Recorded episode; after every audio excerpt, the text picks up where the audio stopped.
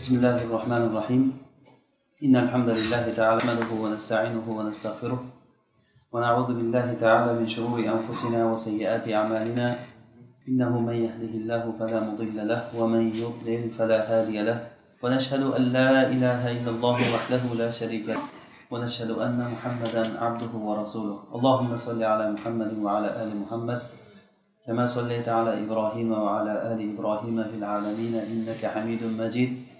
وبارك على محمد وعلى آل محمد كما باركت على إبراهيم وعلى آل إبراهيم في العالمين إنك حميد مجيد وبعد alloh subhanava taolodan madad so'rab darsimizni davom ettiramiz o'tgan darsimizda muhammadur rasulullohni shahodat keltirishlik muhammad rasululloh deb shahodat keltirishlik haqida gapirgan edik va buni shartlari haqida gapirgan edik aynan muhammadu rasulullohni sharti la ilaha illalloh kalimasini shartlarini o'zi. La ilaha illallohda yettita shart shart qilinadi va aytgan edikki bu shartlar inson qalbidagi shartlar bular qalbiy shartlar deyiladi. Ya'ni insonni ichida bo'ladi. Buni hech kim tashqaridan ko'rib bilolmaydi. Ollohni huzurida foyda beradigan shartlar lekin o'sha shartlardan bittasi topilmasa la ilaha illalloh degan odamni kalimasi hisobga o'tmaydi ollohni huzurida. Ammo odamlarni huzurida odamlarni hisobi bo'yicha u musulmon deyilaveradi. Zohiriga qarab hukm qilinaveradi rasululloh sollallohu alayhi vasallamda ummu salama onamiz rivoyat qilib aytadilar bu hadisni buxoriy rahimaulloh sahihida keltirganlar. Rasululloh sollallohu alayhi vasallam aytgan ekan aytdilarki sizlar menga hukm talash talashib kelgan paytlaringda ba'zilaring ba'zilaringdan ko'ra e, hujjatda ustaroq bo'lishligi mumkin. Gap gapga so'zamonroq E, gapini tushuntirib beruvchiroq ba'zi odamlar haq u tarafda bo'lsa ham haq e, egasi bo'lsa ham lekin o'zini gapini o'zi tushuntirolmaydi hujjatini keltirolmaydi e, hujjati bo'lsa ham gapirolmasdan ichida borini chiqarib berolmagandan keyin narigi taraf o'zini gapini yaxshilab gapirib o'zini haq qilib ko'rsatsa rasululloh sallallohu alayhi vasallam aytdilarki men uni hisobiga men hukm qilib beraman. Men tashqi tomoniga qarab turib hukm chiqaraman. Ichini olloh biladi.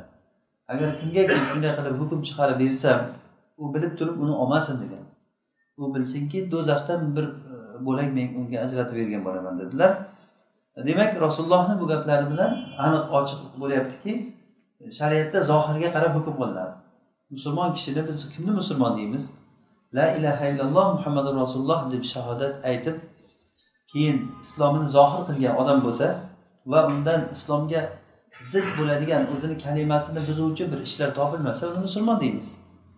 Lekin uni shartlari bor. Bu shartlar qiyomat kunida allohga yo'liqqan paytda foyda beradigan shartlar. Biz darslarimizda aytdikki ko'p takrorladik buni. La ilaha illallohni ikkita tarafi bor. Birinchidan hukmi bor ikkinchidan nima? Uni foydasi foydasi bor. Biz aytayotgan narsalar foydasi haqida gapiryapmiz. La ilaha illallohni hukmi shu dunyoda odamlar hukm qiladi musulmon deb hukm qilaveradi. U bilan ish bitmaydi. Asosiy narsa foyda berish kerak. Allohga yo'liqqan paytimizda la ilaha illalloh kalimasi bu aytuvchisini do'zaxdan chiqarish kerak agar do'zaxga tushib qolsa. Alloh asrasin. La ilaha illallohni sidiq xolis bilan xolislik bilan aytgan kishi do'zaxda qolmaydi. Rasulullohdan ochiq hadislarda kelgan e, birorta bir do'zaxda birorta qalbida zarracha bo'lsa ham iymoni bor odam do'zaxda qolmaydi. Mana bu foyda berishligi la ilaha illalloh. Eng oxiri do'zaxdan chiqariladigan kishi rasululloh aytdilarki lam yamal xayron qottu degan hech qachon yaxshilik qilmagan. Birorta yaxshilik qilmagan.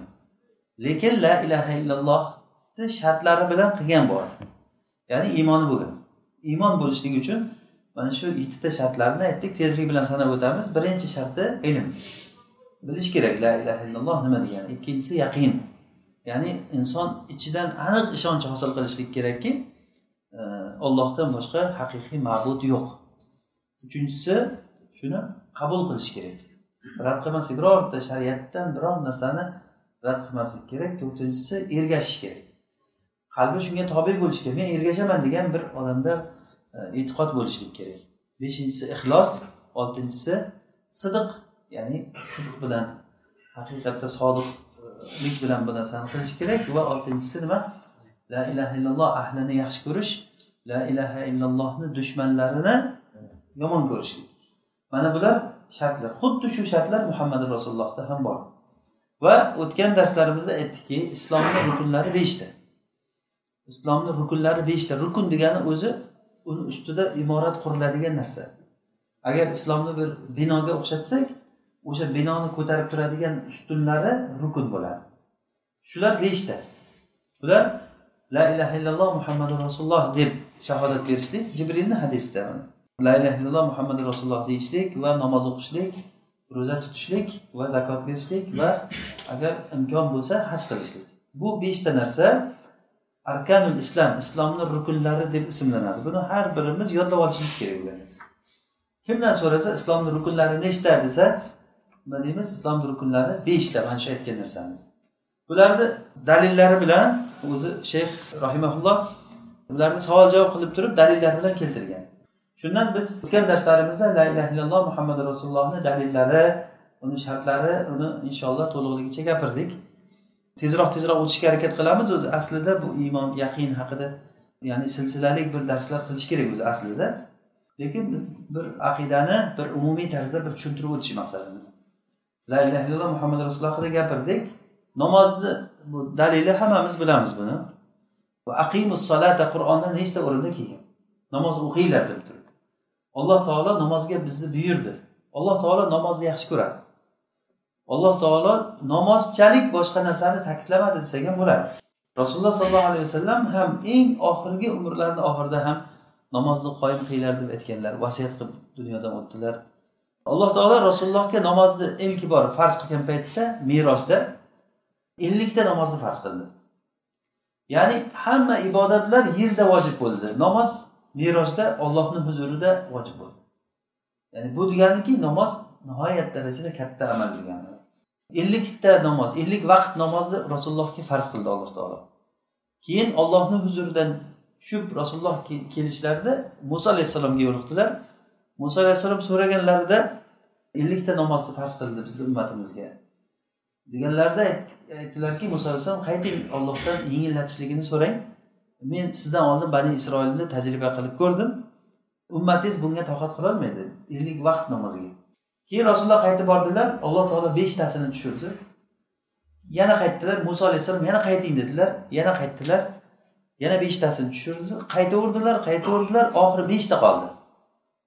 Beshta qolganda yana qaytishlarida muso alayhissalom qayting ollohdan so'rang. Yengillatsin yana. Bani isroilda men sinaganman ummatingiz toqat qilolmaydi deganda rasululloh aytdilarki men qaytaverib qaytaverib uyalib qoldim robbimdan bo'ldi shuni qilamiz dedi shunda alloh taolo tarafidan aytilindiki bu ellikta namoz bu ollohni kalomi gapi gap shu beshtani o'qisa o'qisanglar elliktani o'rniga o'tadi. Ellikta deb qabul qilaman men shuni. Ya'ni bitta hasanat o'nta savobi bilan. Xuddiki ellikta namoz o'qigandek bo'ladi. Endi faraz qiling agarda shu ellik vaqt namoz qolganda edi bizni bo'ynimizda. Olloh o'zi dastlab buyuruvdi buni. Rasululloh sollallohu alayhi vasallamga bir kunda yigirma to'rt soat vaqt bo'lsa yigirma to'rt soatdan qancha uxlaymiz masalan? Yetti soat sakkiz soatini uyquga ayiring mana. o'n olti soat qoladi. o'n olti soatda ellik vaqt namoz o'qishimiz kerak. Har soatda taxriban uch uch mahaldan namoz o'qishimiz kerak. Har soatida uch mahaldan namoz o'qishimiz kerak. Lekin bizni vojibimiz edi shuni alloh taolo buyuruvdi o'zi qilishimiz kerak edi aslida. Lekin olloh yengillatib bizdan beshta qoldirdi. Va bunga juda katta ko'p ta'kidlar keldi namozga. Namozga ko'p ta'kidlar keldi. Hatto namoz o'qimagan odamni kofir degan hadislar bir qancha. Ya'ni biz bilan mana buraydarni hadisda kelgan jobirni hadisda kelgan kufr bilan islomni o'rtasidagi farq namoz deganlar. Ya'ni kim namozni agar tark qilsa kofir bo'ldi deganlar. Man taraka salata mutaammidan faqat kafar. Kim agar namozni qasddan tark qilsa u odam kofir bo'libdi degan namoz tark qilgan kishi to'g'risida inshaalloh bugun darsimizda shu haqda gapiramiz. Hozir bilmoqchi bo'lganimiz namozni dalili. Ya'ni buni hammamiz bilamiz. Nima dalili bor namozni desa qur'onda aqimussola qancha o'rinda kelgan? Alloh taologa iymon keltirishlikdan keyin aqimussola kelaveradi. Namoz o'qinglar namoz o'qinglar namozga buyruq. Hatto urush paytlarida ham namoz soqit bo'lmadi. Tohrat yo'q suv yo'q paytda ham namoz soqit bo'lmadi. Kasal paytlarda ham har qanday paytda qiyinchilik paytda sovuq payti bo'ladimi issiq bo'ladimi yoshi katta hatto yetti yoshdan o'ng qo'lini chap qo'lidan ajrata olgandan boshlab rasululloh sollallohu alayhi vasallam aytdilarki bolalaringni yetti yoshdan namozga buyuringlar va o'n yoshdan keyin uringlar deganlar o'qimasa deganlar. Demak bizni shariatimizda shu yosh bola o'ng chapini ajratadigan yoshi o'zi yetti yosh. Mana shu paytda namozga buyurishimiz kerak bo'ladi. Bizni dinimiz mana shuni xohlaydi bizdan alloh taolo shuni xohlaydi. Eng birinchi banda hisob kitob qilinayotgan narsasi namoz. Agar shundan yaxshi o'tsa inshaalloh buyog'i o'tdi degani. Agar shundan o'tolmasa keyingi hisob kitob qiyin bo'ladi. Keyin buni juda dalillari ko'p bundan tezroq tezroq o'tamiz. Ro'zani dalili. Ro'za baqara surasida buni ko'pimiz takror takror hammamiz eshitganmiz. يا أيها الذين آمنوا كتب عليكم الصيام كما كتب على الذين من قبلكم لعلكم تتقون ey iymon keltirganlar sizlarga ro'za farz qilindi xuddi sizdan oldingilarga farz qilingani kabi sizlar taqvodor bo'lishliklaring uchun ya'ni alloh taolo bizdan taqvoni xohlab taqvodor bo'lishlikka olib boradigan eng katta yo'llardan biri ro'za va shu ro'zani islomni rukni qildi biz ramazon darsliklarimizda allohni fazli bilan qanday qilib turib ro'za rukun bo'lganligini biz batafsil tushuntirgan edik. Ya'ni rukun o'zi rukun degani asosiy imoratni ushlab turayotgan narsa. Islom binosini ushlab turayotgan narsani biri ro'za bo'ldi. Ya'ni ro'za nimani o'rgatadi bizga? Ro'za o'zida bor bo'lgan narsani berishni o'rgatadi va tark qilishni o'rgatadi. Ya'ni boshqa amallar amal masalan namoz amal zakot berishlik amal berish masalan. Lekin ro'za tark qilishlik haromni tark qilish va ba'zi mubohlarni tark qilishlik nafaqat haromni mubohni tark qilishni o'rgatadi. Ovqat yeyish suv ichishlik jimo qilishlik muboh bo'lgan narsalar o'shalarni tark qilishlikni o'rgatadi. Va rasululloh aytganlar agarda banda o'zini yolg'on gapini va yolg'on guvohligini tashlamas ekan u taom va sharobini tashlashligini alloh taologa hech qanday foydasi yo'q deganlar. Ya'ni ro'zasidan foyda bo'lmaydi deganlar. Demak ro'zadan maqsad tark qilishni o'rgatadi bizga. Dinimizni beshta rukunidan bittasi tark qilishni o'rganishimiz kerak. G'azablanib turibsizmi? Tark qiling. Bir narsani olishingiz kerakmi? Qo'ying o'shandan haqingizdan keching. Qancha muhtoj bo'lamiz bu narsaga? O'z o'zidan bilasizki bu rukun ekanligini agar o'shanga mahkam odam pishib agar o'shanga o'rgansa boshqa amallarni shuni ichidan chiqaradi. Namoz ham rukun. Namoz ollohni zikri. Alloh taologa bog'lashni bog'lanishni o'rgatadi bu eng katta rukun bu. Bu shahadatayn la ilaha illalloh muhammad rasululloh bu rukunligida hech tushunmaydigan joyimiz yo'q. Namoz bu zikr. Inna solata tanha anil fahshai val munkar va zikrullohi akbar. Alloh taoloni eng katta zikri bu. Namoz zikrdan iborat. Namoz o'qib ollohni zikr qilmasangiz siz namoz o'qimadingiz. Namoz o'qish faqat yotib turishdan iborat bo'lib qolsa bir odatiy holga aylanib qolsa allohu akbar allohu akbar allohu akbar allohu akbar bu salom otgandan soatga qarasa necha minut o'qib bo'ldik ekanda. Subhana robbiyal azimni bir marta ham aytib ulgurmasangiz rukuda ham sajdada ham bu qanaqa namoz bo'ladi? Nima qilyapsizlar? Buncha jamoat yig'ilib nima qilyapti bu yerda? O'zi bizga buyurilgan narsa asosiy narsamiz namoz bo'lsa. Bizni ibodat uchun yaratgan bo'lsa alloh taolo. Mana shu qilayotgan ishimizni chala chulpuq qilinsa bu o'zini maqsadi chiqmaydi. Namozdan maqsad ollohni zikri. Ollohni zikri bizni hayotimizni mazmuni. Bu dunyodagi eng katta ne'mat ollohni zikri. Oxiratdagi eng katta ne'mat nima? Oxiratdagi eng katta ne'mat ollohni jamolini ko'rishlik. Hatto jannat ahli jannatda turgan paytda alloh taolo aytar ekanki ey jannat ahli alloh taolo tarafidan bir aytuvchi aytar ekan ey jannat ahli alloh taoloni sizlarga bir va'dasi bor ekan shuni bajarib bermoqchi. Ular ne'matda turgan paytlarida qanaqa va'dasi bor ekan yana? Biz yuzlarimizni nurlantirgan bo'lsa nomoy amallarimiz o'ng qo'limizdan berilgan bo'lsa tarozilarimizni og'ir qilgan bo'lsa gunohlarimizni mag'firat qilib jannatga kirgizgan bo'lsa jannatda hamma narsa bor. Hali inshaalloh biz jannat haqida sifatlari keladi inshaalloh oldimizda ko'z ko'rmagan quloq eshitmagan. Inson nimani xohlasa bor. Nimani xohlang o'sha yerda bor. Osmondan bir qush uchib ketyapti. Shuni orzu qilsangiz pishib oldingizga keladi. Mevalar qutufuha daniya ya'ni mevalari yaqin yaqin odamlarga qo'l uzatsangiz o'zi keladi. Ichadigan sharoblari deysizmi boshqa alloh taolo hammamizni nasib qilsin jannatlarda o'tirishlikni. Bu jannatda hamma narsa bor. Shuncha ne'matdan alloh taoloni jamolini ko'rish o'shanda alloh taolo o'zini jamolini ochganda odamlar ollohni ko'rib turib o'tirgan ne'matlari esdan chiqib ketar ekan mana bu eng katta ne'mat ibn taymiya rahmaulloh aytadilar jannat ahli jannatga kirgan paytda afsus yeydigan bitta narsasi shu dunyoda ollohni zikr qilmaganligi uchun afsus yeydi. Degan ollohni zikr qilmaganligi uchun. Yana bitta qoida shuki har qanday gunoh har qanday gunoh ollohni zikridan g'ofil bo'lganda keladi. Ollohni zikr qilib turgan odam gunoh qilmaydi. Arof surasida alloh taolo aytadiki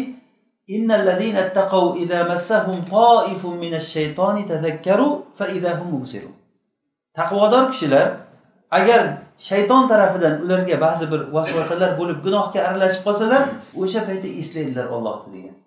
Shu payti ko'zlari ochiladi. Mana shundan bilinadiki inson xatoga yo'l qo'yadi ollohni zikridan g'ofil qolgan paytda. Biz darsimizni boshida eslaringizda bo'lsa aytgan edikki ollohni zikr qilishlik bu qalbda xuddi badandagi immunitetga o'xshaydi. Badan inson jasadidagi immunitet jasad jasadga kasallikni kelishini qo'ymaydi. Alloh taolo inson jasadini o'sha kasalga qarshi kurashuvchi qilib yaratgan. Hatto emlashlarda ham masalan qizamiqga qarshi emlaydi nima qiladi emlagan emlagan paytda? Qizamiq kasalini yuqtiradi odamga. Qizomiq kasalini yuqtirgandan badandan birdan unga qarshilik boshlanadi ozgina yuqtirib qo'ygandan keyin. Badan urushib o'sha kasallikni chiqarib tashlab qizomiqqa qarshi tayyor bo'ladi. Kuchayib undan keyin qizomiq yuqmaydi bunga degan gap ya'ni. Kuchaytirib qo'yadi immunitetini. Xuddi ana shu narsa insondagi immunitet xuddi qalb ana shunday qalbdagi zikr unga hech qanaqangi gunohni kelishligiga qo'ymaydi. Agar g'aflat keldimi immunitet yo'qoldi degan har qanday kasalga duchor bo'laveradi jasad. O'shanday qalbga har qanday yomon narsa kelaveradi. Qalbni kasali biz amrozul qulub darslarimizda buni allohni fazli bilan batafsil aytgan edik ya'ni qalbdagi kasalliklar bu kibr deysizmi bu ollohga eng yomon qalb kasalliklaridan biri ollohga yomon yomon gumon qilishlik inson manmansirashligi va hokazo va hokazo baxillik va boshqa hamma kasallikni urug'i qalbda bo'ladi. Inson ichi buzuq bo'ladi qalbi buzuq bo'ladi keyin tashqarida yomon amallari ko'rinadi. Demak mana shu narsani ketkazayotgan narsa zikr bo'ladi. Ana shu zikrni o'rgatayotgan narsa namoz bo'ladi shuning uchun ham namoz rukun. Ko'rdingizmi? Namozni rukunligi nima uchunligini? Nima uchun namoz ko'p o'qishlikka buyurilgan? Rasululloh sollallohu alayhi vasallamga bir sahobiy kelib turib ey rasululloh mendan so'ra deganlar rasululloh mendan so'ra deganlarda sizdan jannatda birga bo'lishligimni so'rayman degan. Ollohdan shuni so'rab bering degan. Jannatda birga bo'laylik degan. Shunda rasululloh aytdilarki bo'lmasa ko'p sajda qilishlik bilan menga yordam bergin deganlar ko'p sajda qilib rasululloh sollallohu alayhi vasallam namoz o'qimagan kechasi bo'lmagan. Kechasi turib namoz o'qiganlar. Har kuni qumil layla illa qalila nisfahu aw inqus minhu qalila aw zid alayhi va rattilil qur'ana tartila. Ya'ni qur'onda bir qancha o'rinlarda namozga tezlab kelgan. Hatto farz namozdan tashqari nafl namozlar. Qod aflahal mu'minun allazina hum fi solatihim xoshiun mo'minlar najot topdi. Kimlar ular mo'minlar namozlarini xushu bilan o'qiydigan. Birinchi o'rinda kelyapti qarang. Namozlarini xushu bilan o'qiydigan. Demak namoz juda katta bizda rukun hisoblanadi. Ro'za rukun hisoblanadi. Zakot rukun hisoblanadi. Zakotni dalili nima? Ro'zani dalili mana baqara surasidagi oyat va arobiyni hadisi bir arobiy rasululloh sollallohu alayhi vasallamni oldiga kelib turib so'roq bergan paytda o'shanda so'ragan alloh taolo nimani farz qilgan ro'zadan deganda rasululloh sallallohu alayhi vasallam aytdilarki ramazon ro'zasini farz qildi. Ramazon oyida o'ttiz kun ro'za tutishlik. Shunda boshqa bormi farz deganda boshqa yo'q degan. Tamom men shundan ziyoda ham qilmayman kam ham qilmayman. Rasululloh aytdilarki agar to'g'ri aytgan bo'lsa najot topdi dedilar. Ya'ni bu uzun hadis.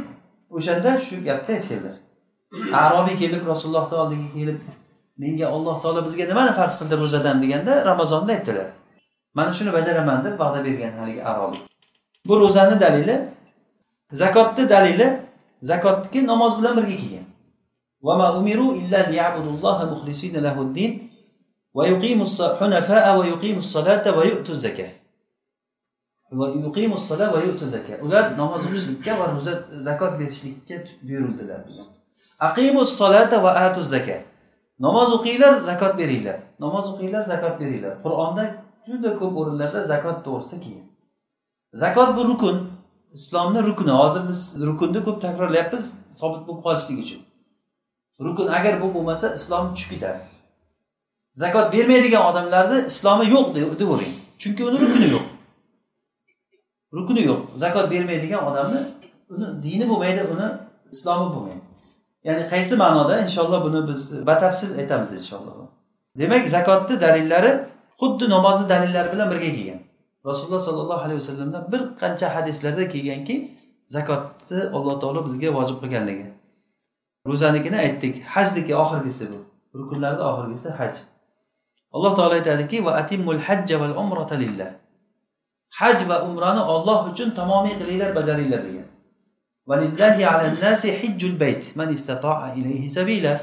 Alloh taolo aytadiki alloh taolo uchun odamlarni ustida kabani haj qilishlik bor. Ya'ni ollohni haqqi bu. Kim yo'lga qodir bo'lsa borib baytullohni tavof qilib turib e, haj amallarini bajarishlik kerak. Mana bu olloh taoloni bizga buyurgan ya'ni farz qilgan eng oxirgisi ya'ni beshinchi rukun. Hadislardan hadisda xuddi o'sha arobiyni hadisda keladi. Nimani farz qildi alloh taolo deganda alloh taolo hajni farz qildi. Yoki boshqa hadisda sahihaynda kelgan jibrilni hadisda buniyal islamu ala xoms hadisi. Ya'ni islom beshta narsani ustiga qurilgan. Buniyal islamu ala xoms islom beshta narsani ustiga qurilgan. Shuning uchun rukun bo'ldi. Shahadati an la ilaha illalloh va anna muhammadu rasululloh va iqomi solat namoz o'qishlik va ro'za tutishlik zakot berishlik va haj qilishlik. Mana shu beshta narsani ustiga islom qurilgan degan. Bu beshta narsa shu islomni ko'tarib turadigan rukun hisoblanadi. Har bittasi rukun. Bu aytgan narsalarimiz qur'on sunnada buni dalillari nihoyat darajada ko'p kelgan. Har bir musulmon kishi buni bilishlik kerak. Bu hech kim bilmadim deyolmaydi buni alhamdulillah bu o'tirganlar eshitayotganlar hammamiz bilamiz buni? Faqat buni bir takrorlab eslatish ma'nosida bu. Endi kimda kim agar masalan musulmon diyorida yashagan odamlar e namoz farzmi men bilmabman ekan desa unga ishonmaymiz unga. Gapiga e zakot vojibmikan farzmikan bilmabman ekan buni desa ishonmaymiz uni gapiga. Ya'ni bu islom yurtida yashab yurgan musulmonlar diyorida yashab yurgan odamlar bilishligi kerak bo'lgan narsa. Kim agar bilmadim buni desa uni gapi yolg'on bo'ladi.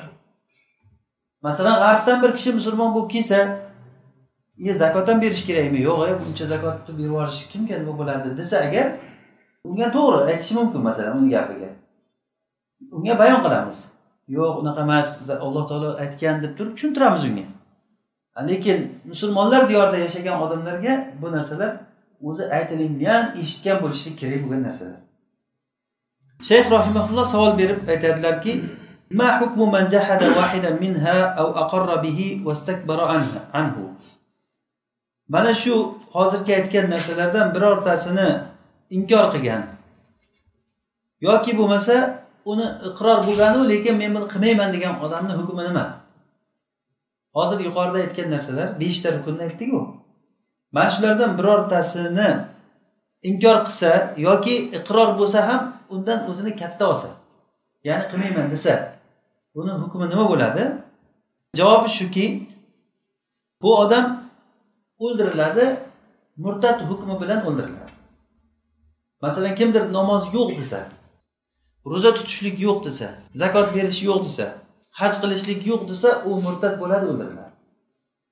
Mana buni xuddiki boshqa bir aqida tafsilotlaridan masalan oxiratda jannat do'zaxni yo'q desa payg'ambar yolg'onchi desa qur'onda xatolar bor qur'on noto'g'ri desa dini islom xato bu desa nima bo'ladi uni hukmi? Kofir murtad bo'ladi. Xuddi hozir biz yuqorida aytgan narsalardan birortasini agar kimda kim inkor qilsa uni hukmi nima? Uni hukmi kofir u murtad bo'ladi o'lim bo'ladi. Tavba qilishligi so'raladi. Tavba qilsa yana kalimani aytib shahodatayni aytib islomga qaytadi. Agarda tavba qilmaydigan bo'lsa u murtad hukmi bilan o'ldiriladi.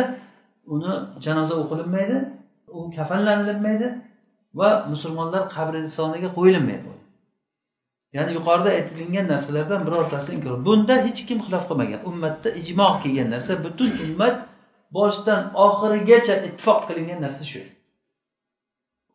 Keyingi savol. Shu hozir yuqorida biz aytgan narsalarni hammasiga iqror bo'lib keyin ularni bir dangasalik qilib turib qilmasa yoki bir tavil yo'li bilan qilmasa uni hukmi nima bo'ladi? Dangasalik bilan dangasalik bilan qilmasa masalan dangasalik qilib namoz o'qimayapti. Ko'p odam shu hozirgi davrda haligi shayx eh, muhammad husayn yoqub aytadilar aksaru shabab ya'ni yoshlarni ko'pchiligi ey yo'q ey ba'zilari namoz o'qimaydi deydi. O'zi asli ba'zilari namoz o'qimaydimi yo ko'pchiligimi aslisi so'z birinchi gapi to'g'ri ya'ni ozroq bir to'g'irlamoqchi bo'lib turib ko'ngilni xafa qilib qo'ymaydi deb aytyaptilar. O'zi aslida aksar odam namoz o'qimaydi. Aksar odam zakot bermaydi. Shuni bilib turib zakot bermaydi. Hajga borib keladi lekin zakot bermaydi.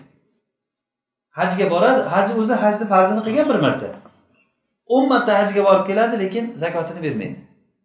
Nima uchun? Chunki hajga borib kelishlik unga ham sayohat ham obro'y bu yoqadi nafsga. Zakot berishlik bu chiqim bu. Havoyi nafsga yoqmaydi. O'sha uchun zakot bermaydi.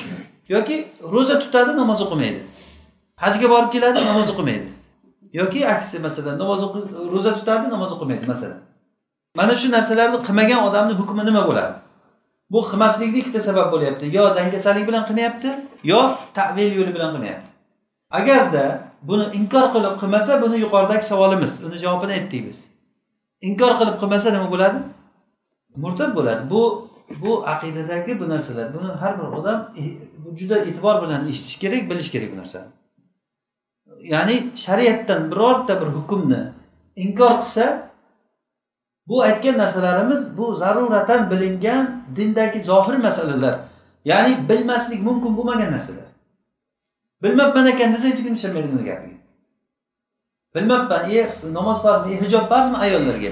E ro'mol o'rash kerak ekanda ayol kishi. Ha desa keyin shu vaqtgacha qayerga yuruvding sen deyiladi uni gapiga hech kim ishonmaydi.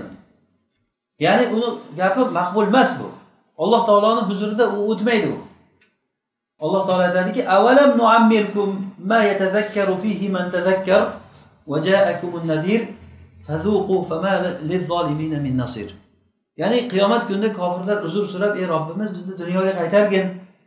Dunyoga boraylik yana qaytaylik yaxshi amallar qilamiz degan paytda alloh taolo aytadiki sizlarni biz eslatma olaman degan odam eslatma ola oladigan umrda yashatmadikmi? Ya'ni hadisda keladiki kim oltmish yoshga kirsa unda uzri ketdi degan. Oltmishga kirgan odamni uzri ketdi. Bo'ldi uni bilmayman degan nimasi yo'q edi oltmishga kirgan odam bilmabman desa ishonmaymiz uni gapiga degan ollohni huzurida uni uzri o'tmaydi degani. Ingliz tilini o'rganadi odamlar. Masalan kompyuterni o'rganyapti masalan. Qancha qancha qiyin narsalarni masalan mana telefonlarni ishlatishlikni hech kim o'rgatmasa ham o'rganib olyapmizku borib so'rab so'rab o'rganib olyapti. Dunyoni qaysi burchagida agar pul topishlikni imkoniyati bo'lsa o'sha yerga boryapmiz pul topyapmiz o'sha yerga borib. Tanish bilish qilyapmiz yugurib yelib o'shanga harakat qilyapmiz. Lekin oxiratimiz uchun bo'lgan narsaga harakat qilinmagandan keyin bilmayman men bilmabman ekan desa bu ollohni huzurida foyda bermaydi. Bu johillikni otini o'ziga o'zi kasb qilingan johillik deyiladi. Yozib qo'ying shuni. Kasb qilingan johillik. Kasb qilingan ya'ni inson o'zi harakat qilib kasb qilib o'ziga o'zi yig'ib olgan johillik bu. Umri mobaynida umr o'tyapti. Oltmishga kirgan ellikka kirgan yetmishga kirgan odamlar mana shuncha yil islomda yurib turib bir islom ahkomlaridan hech narsa bilmasa. Asosiy narsalarni bilmasa qayerdan biladi u? Qayerdan biladi ilm halqalariga kelmasa? Eshitmasa bilmasa qayerdan biladi u? Harakat qilsa bo'ladi u narsaga. Hozir aytayotgan narsalarimiz bilmasa bo'lmaydigan masalalar bular. Mavzuga qaytamiz. Ya'ni kimda kim agar islom rukunlaridan islomda zohir amallardan ya'ni mana shu aytilingan ochiq ochiq aytilingan narsalardan birortasini inkor qilsa u odam kofir bo'ladi. Yo'q bu unaqa emas desa. Ammo kimda kim buni dangasalik bilan qilmasa dangasalik bilan qilmasa yoki bo'lmasa tavil yo'li bilan bu narsalarni qilmasa buni hukmi nima? Mana shu bugun asosan men aytmoqchi bo'lgan narsam shu edi o'zi darsimizda. Tavil degan narsani ozroq tushuntiramiz. Tavil degan narsa nima? Abu davud va termiziy sahih isnod bilan hamna binti jahsh roziyallohu anhodan rivoyat qilib aytadiki hamna binti jahsh. Rasululloh sollallohu alayhi vasallamni oldiga keldi. Aytdiki ey rasululloh mendan istihoza qoni oqib turadi. Istihoza qoni oqib turadi mendan. Shu bilan men namozni ham ro'zani ham tutolmayman namoz ham o'qiy deganda rasululloh aytdilarki bir paxta qo'yib olgin deganlar akramakumulloh ya'ni shariatda hadisda kelganligi uchun aytyapmiz buni. Ayollarni masalasi lekin har birimiz bilishimiz kerak bo'lgan ahlimizga yetkazish kerak bo'lgan narsa bu. Ey rasululloh bu paxta qo'ygandan ko'ra ko'proq ya'ni paxta ushlab turolmaydi deganda bo'lmasa bir lattani olib turib latta qo'yib olgin. Shunda ey rasululloh bu lattadan ko'ra ko'proq degan ya'ni latta qo'ysa ham bo'lmaydi deganda fatalajjami dedilar. Talajjami talajjami degani belingga bir orqonni itni baylab xuddiki yosh bolalarni pampersiday bir lattani qo'yib turib tagidan o'tkazib u lattani orqonni bir tarafidan qistirib qo'yish. O'shanaqangi qilib turib mahkamlab qo'ygan. Qarang sallallohu alayhi vasallam rasululloh shunchalik muallimlarki ayol kishiga shuncha narsani o'rgatganlar. Jami deganlar. Ya'ni juda odob bilan ya'ni hamma ayolga oxirat kunigacha yetadigan bir rahmat bu. Shunda qisqasi bu hadis uzun hadis rasululloh sallallohu alayhi vasallam bunga o'rgatdilar. Bizga kerakli joyi bu yerda shuki hamla binti jahsh rasulullohga kelib aytyaptiki ey rasululloh mendan istihoza qoni oqib turadi. Istihoza qoni oqib tursa ayol kishi namoz o'qishi kerak e, ro'za tutish kerak va eri ham yaqinlik qilaveradi. U ayol namozini tark qilishligi mumkin emas. Bu ayol aytyaptiki mendan istihoza qoni oqib turadi va bu sababdan men namoz ham o'qiolmayman ro'za ham tutolmayman deyapti. Demak bu ayol namoz o'qimagan istihoza paytida. Namozni tark qilgan deymizmi? Yo o'zicha o'qib bo'lmaydi deb o'qimaganmi bu ayol? Ha? Hammamiz tushuntirib o'qib bo'lmaydi deb o'ylab o'qimagan. Sen kofir bo'lding namoz tashlading demagan hech kim unga mana buni otini tavil deydi. Tushunarlimi? Tavil yo'li bilan. Ha tavil yo'li bilan. Masalan u tavilni shu sharti shuki tavil qilishlikni bir tayini bo'lishi kerak bunday jaydari aytganimizda. O'rinli tavil bo'lishi kerak. Agar o'rinli tavil bo'lmasdan xuddi haligi sufilar aytganday o'zlaricha o'zlari tavil qilaversa e, o'zini oshiq desa ollohni ma'shuq desa qayerdan aydi oshiq ma'shuq deb turib alloh taolo ma'shuq alloh taoloni zikrini ishq deyishadi. E, may deyishadi may. Masjidni mayxona deydi. Masjidga borib namoz o'qidi degani mayxonaga borib may ichaman deydi. Mana umar hayyomni g'azallarini o'qiganimizda mana shu narsalarni ko'ramiz. Masjidga borib mayxona ichib kim ko'rib kelibdi jannat do'zaxni senga jannat bo'lsa bo'lsin menga may bo'lsa bas deydi. Buni ko'rgan odam umar hayom alkash ekan deydi. U alkashni gapini gapirgandan keyin nima deb o'ylaydi odam? Ya'ni senga jannat bo'lsa bo'lsin menga may bo'lsa may degani ollohni zikri. Ollohni zikrini shu may deb xuddiki zikr qilsa mast bo'lib maza qilib o'tiraman degani. Masjidga bordim men namoz uchun rost aytsam na namoz na niyoz uchun joynamoz o'g'irlab edim eskitdi yana sekin keldim joynamoz uchun. Umar hayom o'g'ri ekan deydi ko'rgan masjidga bordim namoz o'qish to'g'risini aytsam namoz o'qishga kelganim yo'q men joynamoz o'g'irlagan keldim. Bitta joynamoz o'g'irlab ketgandim u eskirib qolibdi yana yangisini o'g'irlab ketgani keldim degan. O'shanday joynamoz o'g'irlagan joynamoz deb turib ular o'zi bilan ollohni o'rtasidagi robitani aytadi. Shunaqa tavillari bor. Bu hech qanaqangi bir tagi yo'q tavil bular. Shariatda bir dalili yo'q bo'lgan narsalar. Tavilni bir nima? Nimasi bo'lishi kerak? Tomoni bo'lishi kerakki bir uni tagi bo'lishi kerak. Asosi bo'lishi kerak. Mana shunaqangi tavil bo'lsa agar xuddi hozirgi hamda binti jahshnikidek yoki sahobalarda boshqa bir e, holatlarda tavillar ko'p bo'lgan. Masalan ammor ibn yosir bilan umar ibn hattobni voqeasi sahih buxoriyda keladi. Ular ikkalasi safarda ketayotgan paytlarida junub bo'lib qoladi. Junub bo'lib qolgan paytda o'shanda ammor nima qiladi? Tayammum oyati tohoratga kelgan. Tohorat tohorat bo'lmasa tayammum keyin u kishi o'ylaganki agar tohorati yo'q odam torat qilayotgan a'zolariga tuproq surtadigan bo'lsa g'usul qilish kerak bo'lgan odam nima qilish kerak deydi? G'usul qilish kerak bo'lgan odam yechinadidan keyin xuddiki hayvon dumalaganday dumalab oldim degan tuproqqa. Ya'ni xuddi eshak deb aytgan u kishi o'sha xuddiki eshak yumalaganday yumalab oldim degan. Shunda rasulullohga kelib aytganlarida ammo umar ibn hattob namoz o'qimagan. Qaragan bu nima qilishni bilmagandan keyin ammor dumalab olgan. Keyin rasululloh sollallohu alayhi vasallam oldiga kelganlarida bu namozni nima uchun o'qimaydi? Torat yo'q tayammumni bilmaydi. Mana bu tavil degani. Ya'ni qo'lidan kelgancha qilish bir narsani.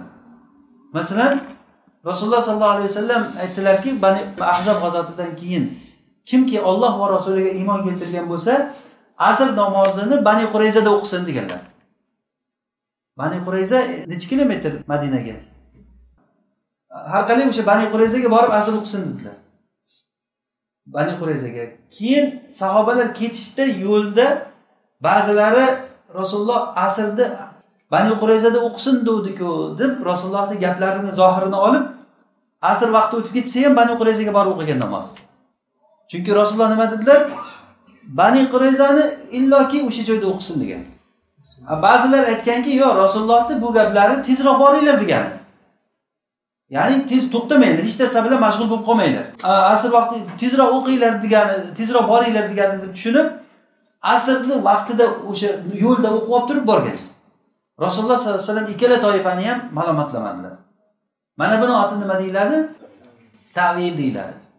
Kimda kim? Mana shu yuqorida aytilingan narsalarni agar hozir biz asosan shu rukunlar haqida gapiryapmiz. Namoz ro'za zakot va haj. Shularni tavil yo'li bilan agar qilmagan bo'lsa u nima bo'ladi? Tavil yo'li bilan. Tavilda uzr bo'lsa agar tavilda agar qiladigan agar asosi bo'lsa mayli. Xuddi hamna binti jahshga o'xshab. Ammo dangasalik bilan o'qimagan bo'lsachi? Dangasalik bilan o'qimagan bo'lsa mana bu masala. Inshaalloh vaqtimiz qolgancha shuni inshaalloh bugun aytamiz. Bu masalada bu ancha tortishuvli masala. Ya'ni namoz o'qimagan odamni hukmi nima? Namoz o'qimagan odamni hukmi nima bo'ladi? Bu borada ulamolarni xiloflari katta xilofi bor. Bir toifa aimmalar bu toifa aimma sahobalardan bir qanchasi umar ibn hattob muaz ibn jabal abu hurayra jobir va boshqa bir qancha sahobalardan abdurahmon ibn avf va boshqa sahobalardan kelgan va bu yana imom ahmaddan bir sahih rivoyatda kelgan abdulloh ibn muborakdan ishoq ibn rohiya umar ibn abdulaziz va boshqa ko'pchilik muhaddislarni hammasi. Shulardan kelgan naql shuki namozni dangasalik bilan namoz o'qimagan odam kofir bo'ladi degan. Dangasalik bilan namozni va aksar aimmalar hozir biz zikr etgan aimmalarni ko'pchiligi bitta namozni vaqti chiqib ketguncha o'qimasa va u namozni jamlashni iloji bo'lmasa keyin masalan peshin namozini o'qimay o'tkazib yubordi lekin peshin namozini majbur bo'lib qolgan paytda asrga qo'shib o'qishlik mumkin. Asrga qo'shib jamlab o'qishlik mumkin. Masalan kasal bo'lib qolgan odam safardagi odam yomg'ir yoqqanda va boshqa holatlarda jamlasa bo'ladigan joylari bor.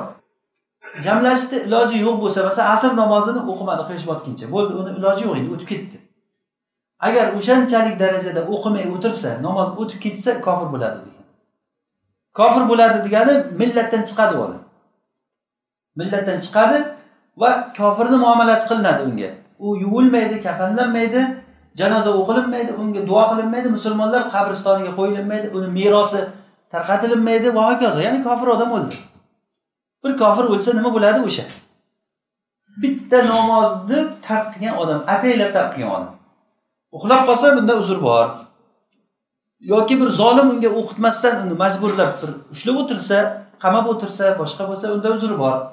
Unda o'sha zolim buni o'rniga tushadi.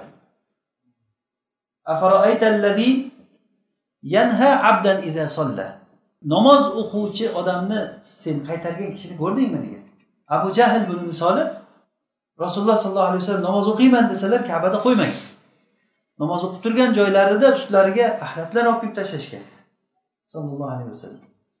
Mana shu namoz o'qishlikka man qilgan odam o'sha o'qimagan odamdan ko'ra yomonroq bu odam. Demak namoz bitta namozni vaqti chiqib ketsa vaqti chiqib ketsa vaqtni bilib o'tirib hech uzr yo'q shar'iy uzr yo'q. Bilib o'tiribdi farzligini lekin o'qimasa dankasalik qilib bu odam kofir bo'ladi. Buni aytgan kishilar bunga ulamolardan hozir biz zikr qilganlarimiz sahobalardan birorta muxolifi yo'q buni. Sahobalardan birorta kishi xilof qilmaganki namoz o'qimagan odam kofir bo'lmaydi degan gapni birorta ham naql kelmagan. Lekin bu o'zi asli namoz o'qimaslik masalasi sahobalardan keyin chiqqan narsalar bular. Sahobalardan bir qanchasidan bir naqllar kelgan masalan shayx muhammad munir dimashqiy bu kishi naylil avtor kitobini homishida ko'p foydalar keltirgan ekan ya'ni ko'pchilikdan naql qilib keltirgan. O'shanda biz bilan ya'ni islom bilan kufrni o'rtasidagi narsa namoz. Islom bilan kufrni o'rtasidagi narsa namoz deb keltirgan. Demak bunda birorta bir sahobalardan xilofi yo'q lekin xilof aimmalar e, keyingi sahobalardan keyin tobeinlardan zuhriydan boshlangan. Imom zuhriy birinchilardan bo'lib bu narsaga xilof qilganki namoz o'qimagan odam dankasalik qilib turib namoz o'qimagan odam kofir bo'lmaydi deganlar dankasalik qilib turib namoz o'qimagan odam kofir bo'lmaydi. Kofir bo'ladi deganlarni dalili al ahdu baynana va baynahum as-salat biz bilan kufrni o'rtasidagi ahd ya'ni o'rtasini ajratib turadigan narsa namoz. Man taraka solata mutaammidan faqat kafar. Kim agar namozni mutaammidan tark qilsa ya'ni qasddan tark qilsa bilib turib farzligini bilib turib tark qilsa kofir bo'ladi mana bu ochiq hadislar. Yoki alloh taolo aytganki fa intabu va va zakata ya'ni agarda ular tavba qilsalar ya'ni iymon keltirsa va namoz o'qisa va zakot bersa keyin ularni yo'lida qo'yib yuboringlar degan. Demak mana bu oyatdan chiqadiki ularni o'ldirmaslik uchun demak ularni o'ldirmaslik uchun namoz o'qish kerak. Umar roziyallohu anhudan naql keltirgan la havza fil islam liman taraka salat umar roziyallohu anhu aytgan ekanlarki namozni tark qilgan kishini islomda nasibasi yo'q degan. Said ibn abi vaqqos va ali ibn abi tolibdan naql qilinadiki kim agar namozni tark qilsa u kofir deganlar. Said ibn abi vaqqos sad ibn abi vaqqos va ali ibn abi tolib va ayubi suxtiyani aytganlar u kishi aymalardan tobeinlardan tarkus solati kufrun la yuxtalafu fihi. Namozni tark qilishlik kufr bunda hech ixtiloflashilmaydi deb aytganlar. Namozni tark qilishlik. Ibn rajab rahimaulloh shu qavullarni keltirib keyin ishoq ibn rohiyani gaplarini keltirdilarki islom ahli shunga ijmo kelgan degan. Ya'ni hamma islom ahli e, shu gapga ijmo qilishgan degan. Muhammad ibn hakam marvaziy aytdilarki bu muhaddislarni hammasini so'zi shu degan. Muhaddislarni hammasini so'zi shu munziriy kitob targ'ib va tarhib kitobida ijmoni aytgan. Ya'ni kimki agar namozni tark qilsa u odam kofir bo'ladi degan gapni aytgan. Va abu muhammad ibn hazm ham shu gapni aytganlar. Umar roziyallohu anhudan abdurahmon ibn avf muaz ibn jabal abu hurayra jabr roziyallohu anhu. Mana bulardan kimki agar bitta namozni tark qilsa u odam kofir bo'ladi millatdan chiqadi deb aytilingan. Mana bu sahobalardan hozir aytganimiz. Va aimmalardan ahmad ishoq ibn rohiya abdulloh ibn muborak ibrohim nahaiy hakab ibn utayba ayub suxtiyani va abu davud at tayalisi abu bakr ibn abi shayba va boshqa aymalar. Mana shular hammalarini gaplari agarda kimda kim namozni agar dangasalik qilib turib bitta namozni o'qimasa u kofir bo'ladi millatdan chiqadi deb aytganlar. Keyin bu birinchi mazhab bu. Bu bir tomoni hozir aytganlarimiz bu dalillari bu. Ikkinchi tomonda ikkinchi tomonda jumhur aimmalar hozir biz aytganlar qancha aimmalar o'zi.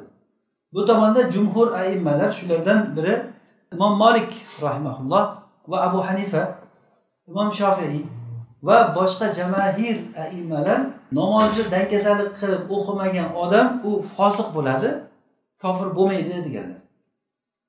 Fosiq bo'ladi u odam kofir bo'lmaydi deganlar. Bu jumhurni mazhabi shu. Jumhurni mazhabi. Birinchi aytgan mazhabimiz sahobalardan mana qanchasini sanadik?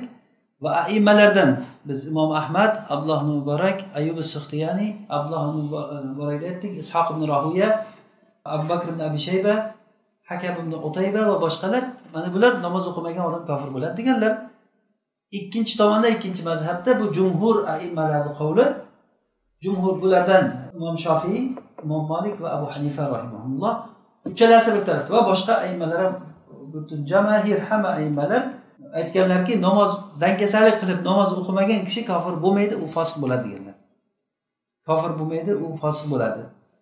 Keyin bu kishilar ikkiga bo'lingan ya'ni bu birinchi mazhabda hozir aytganimiz namoz o'qimagan odam kofir bo'ladi degani murtadni deb o'ldiriladi ikkinchi jumhurni mazhabida namoz o'qimagan odam dangasalik qilib turib namoz o'qimagan odam nima bo'ladi deganda bunda ikkiga bo'lingan. Shulardan imom shofiy rahimaulloh o'zini musnatlarida keltirgan ahmad ibn hambal musnadida va imom molik muattosida keltirgan. Rasululloh sollallohu alayhi vasallamni oldilariga bir ansoriy kishi keldilar.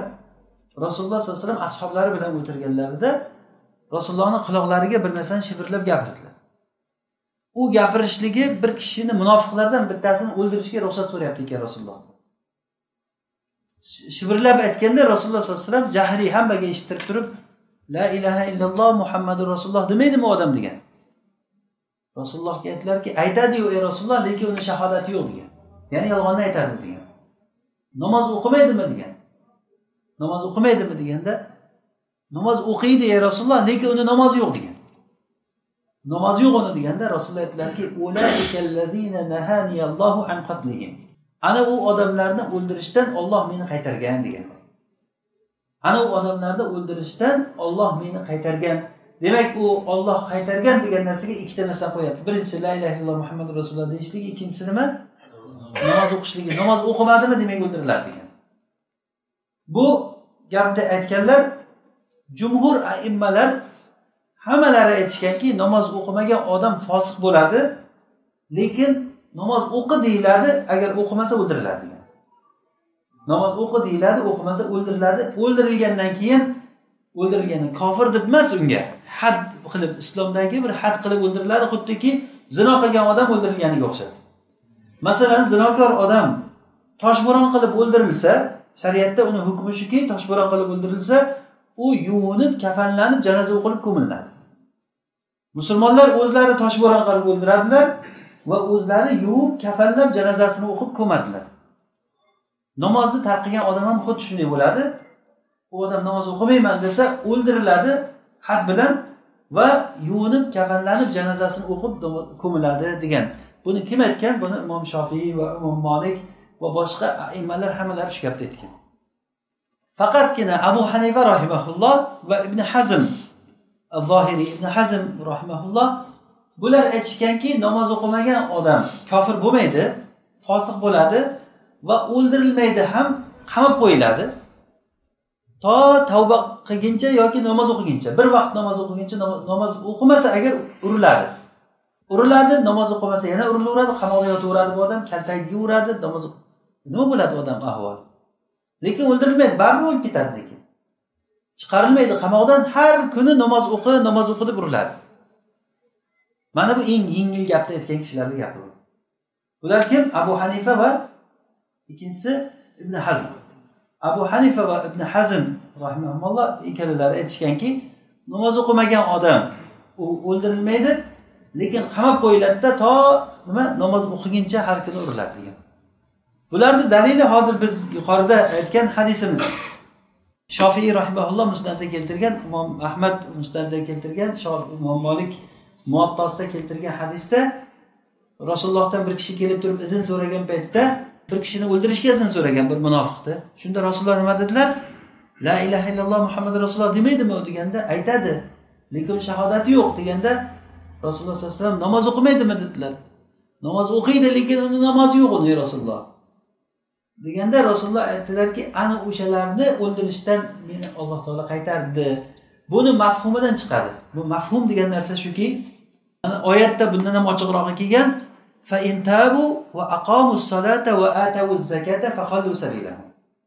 agar ular tavba qilsalar namoz o'qisalar va zakotni bersalar keyin ularga tegishmanglar degan.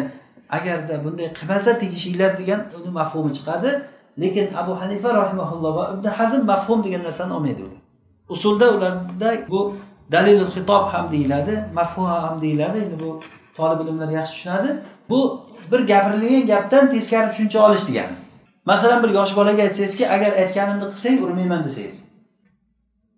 Qilmasang uraman degan gap chiqadimi chiqadi deydi imom shofiy imom molik aimmalar hammasi chiqadi deydi abu hanifa aytadi yo'q chiqmaydi bu gap deydi. Agar aytganimni qilmasang uraman desa agar aytganimni qilsang urmayman desangiz qilmasang uraman dedimi desa yo'q unday degan yo'q u gap chiqqan yo'q. Shoriyadan u gap chiqqan yo'q deydi sukut berdi. Shuning uchun har bir narsaga dalil bilan ish qilishimiz kerak deydi abu hanifa rahimaullohni usullarida. Mana shu narsani otini mafhumi muxolifa deyiladi. Yoki dalilul xitob ham deyiladi. Bu abu hanifa rahimaullohda va ibn hazmda bu olinmagan. Ya'ni ularni usulida. Shuning uchun o'sha dalillardan kelib chiqib mafhumni olmaganliklari uchun namoz o'qimagan odamlarni namoz o'qimagan ularni dalili sahihaynda kelgan ochiq hadisda mana abdulloh ibn umardan rasululloh sollallohu alayhi vasallam aytadilarki umirtu an uqatila nas hatta yashhadu an la ilaha illalloh va anna muhammadan rasululloh. Fa inhum qaluha asamu minni dima'ahum va amwalahum. Men odamlarga qarshi urushishlikka buyurildim hatto ular la ilaha illalloh muhammadu rasululloh deguncha agar ular shu gapni aytsalar mendan ular mollarini va jonlarini qutqarib qoladi degan namozda aytmadi demak illa bi haqqiha dedilar o'sha boshqa namozni qo'shgan kishilar illa bi haqqihadan qo'shadi lekin bu hadisda kelmayapti yoki boshqa sahihayda kelgan hadisda la yahillu damu muslimin illa bi ihda thalathin السيب الزاني الثيب الزاني والنفس بالنفس التارك لدينه المفارق للجماعة ya'ni musulmon kishini qoni faqat uchta narsa bilan halol bo'ladi. Uchta narsa bilan musulmon kishini qonini to'ksa bo'ladi. Birinchisi uylangan odam zino qilsa uni haddan ya'ni uni o'ldiriladi toshbo'ron qilib o'ldiriladi. Va ikkinchisi qisos nafs nafs bir odam bir musulmon kishini o'ldirib qo'ysa qisos olinib turib buni ham o'ldiriladi. Musulmon bo'lsa ham o'ldiriladi. Uchinchisi murtad odam.